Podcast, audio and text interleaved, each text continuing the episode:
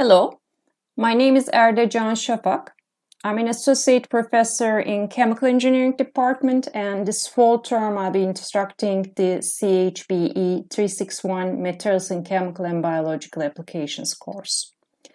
Well, the aim of this course is to provide students with a knowledge of the structure and characteristics of different types of materials and abilities for material selection and design with special emphasis in chemical and biological applications.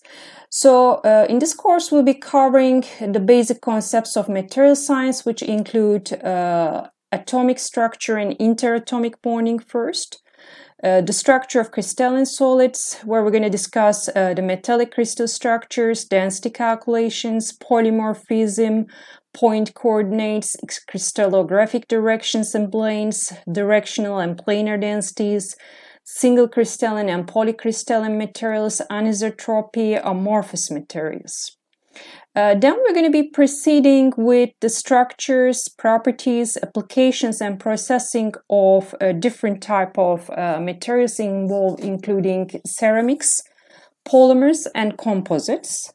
In composites, we're going to be discussing the different composite types, their applications, composite structure, property relationships, at the end of these uh, chapters, uh, finally, we're going to briefly talk on uh, materials design and economic, uh, environmental, and societal issues in material science and engineering.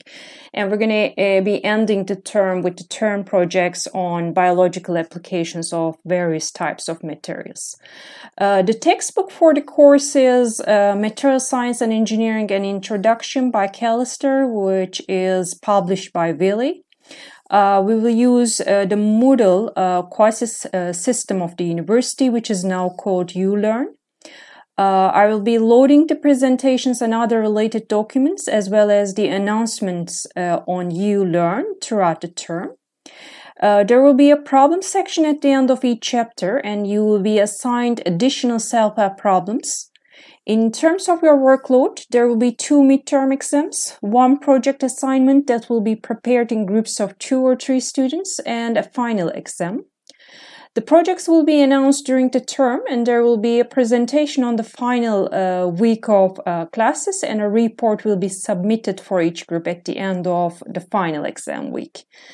Uh, hope this will be a great and successful term where we can uh, enjoy the face to face classes after a long online term. So see you in classes. Bye.